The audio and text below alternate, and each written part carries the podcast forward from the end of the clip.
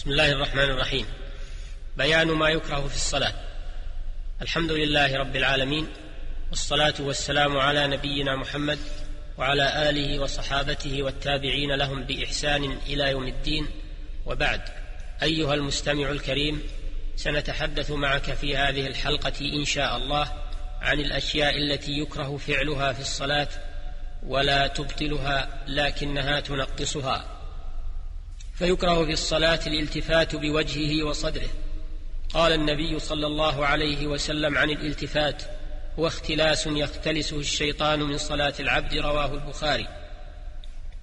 إلا أن يكون الالتفات لحاجة فلا بأس به كما في حالة الخوف أو كان لغرض صحيح. أما إن استدار بجميع بدنه أو استدبر الكعبة في غير حالة الخوف فإنها تبطل صلاته.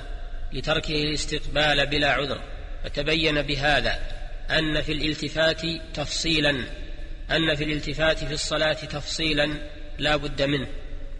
فإن كان في حالة الخوف فلا بأس به لأن ذلك من ضروريات القتال. وإن كان في غير حالة الخوف فإن كان بالوجه والصدر فقط دون بقية البدن فإن كان ذلك لحاجة فلا بأس به وإن كان لغير حاجة فهو مكروه. أما إن كان بجميع البدن في غير حالة الخوف فإنها تبطل به صلاته ويكره في الصلاة رفع بصره إلى السماء. قد أنكر النبي صلى الله عليه وسلم على من يفعل ذلك فقال ما بال أقوام يرفعون أبصارهم إلى السماء في صلاتهم؟ واشتد قوله في ذلك حتى قال لينتهن أو لتخطفن أبصارهم. رواه البخاري.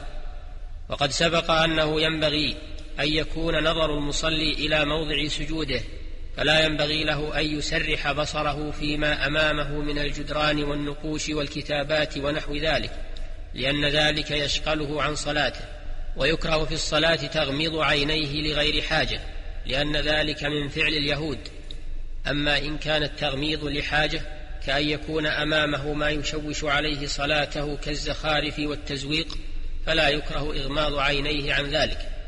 هذا معنى ما ذكره العلامة ابن القيم رحمه الله ويكره في الصلاة إقعاؤه في الجلوس وهو أن يفرش قدميه ويجلس على عقبيه لقوله صلى الله عليه وسلم إذا رفعت رأسك من السجود فلا تقع كما يقع الكلب رواه ابن ماجه وما جاء بمعناه من الأحاديث. ويكره في الصلاة أن يستند إلى جدار ونحوه حال القيام إلا من حاجة لأنه يزيل مشقة القيام فإن فعله لحاجة كمرض ونحوه فلا بأس. ويكره في الصلاة افتراش ذراعيه حال السجود بأن يمدهما على الأرض مع إلصاقهما بها. قال صلى الله عليه وسلم اعتدلوا في السجود ولا يبسط أحدكم ذراعيه بساط الكلب متفق عليه. وفي حديث آخر ولا يفترش ذراعيه افتراش الكلب ويكره في الصلاة العبث وهو اللعب وعمل ما لا فائدة فيه بيد أو رجل أو لحية أو ثوب أو غير ذلك ومنه مسح الأرض من غير حاجة ويكره في الصلاة التخصر والتخصر وضع اليد على الخاصرة وهي الشاكلة ما فوق رأس الورك من المستدق وذلك لأن التخصر فعل الكفار والمتكبرين وقد نهينا عن التشبه بهم. فقد ثبت في الحديث المتفق عليه النهي عن أن يصلي الرجل متخصرا ويكره في الصلاة فرقعة أصابعه وتشبيكها ويكره أن يصلي وبين يديه ما يشغله ويلهيه لأن ذلك يشغله عن إكمال صلاته. ويكره في الصلاة ويكره وتكره الصلاة في مكان فيه تصاوير لما فيه من التشبه بعبادة الأصنام سواء كانت الصور منصوبة أو غير منصوبة على الصحيح. ويكره أن يدخل في الصلاة وهو مشوش الفكر بسبب وجود شيء يضايقه كاحتباس بول أو غائط أو ريح أو حالة برد أو حر شديدين أو حالة جوع أو عطش مفرطين. لأن ذلك يمنع الخشوع وكذا يكره دخوله في الصلاة بعد حضور طعام يشتهيه لقوله صلى الله عليه وسلم لا صلاة بحضرة طعام ولا وهو يدافعه الأخبثان رواه مسلم. وذلك كله رعاية لحق الله تعالى ليدخل العبد في العبادة بقلب حاضر مقبل على ربه ليس فيه ما يشغله ويكره للمصلي أن يخص جبهته بما يسجد عليه دون بقية البدن لأن ذلك من شعار الرافضة ففي هذا الفعل تشبه بهم ويكره في الصلاة مسح جبهته وأنفه مما علق بهما من أثر السجود ولا بأس بمسح ذلك بعد الفراغ من الصلاة.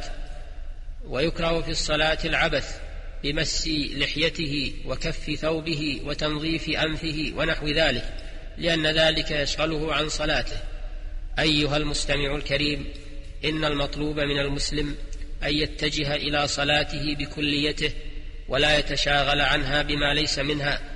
يقول الله سبحانه وتعالى حافظوا على الصلوات والصلاة الوسطى وقوموا لله قانتين فالمطلوب إقامة الصلاة بحضور القلب والخشوع والإتيان بما يشرع لها وترك ما ينافيها أو ينقصها من الأقوال والأفعال لتكون صلاة صحيحة مبرئة للذمة ولتكون صلاة في صورتها وحقيقتها لا في صورتها فقط. وفق الله الجميع لما فيه الخير والسعادة في الدنيا والآخرة. وإلى الحلقة القادمة إن شاء الله. لنواصل معك بقية الحديث عن أحكام الصلاة. والسلام عليكم ورحمة الله وبركاته.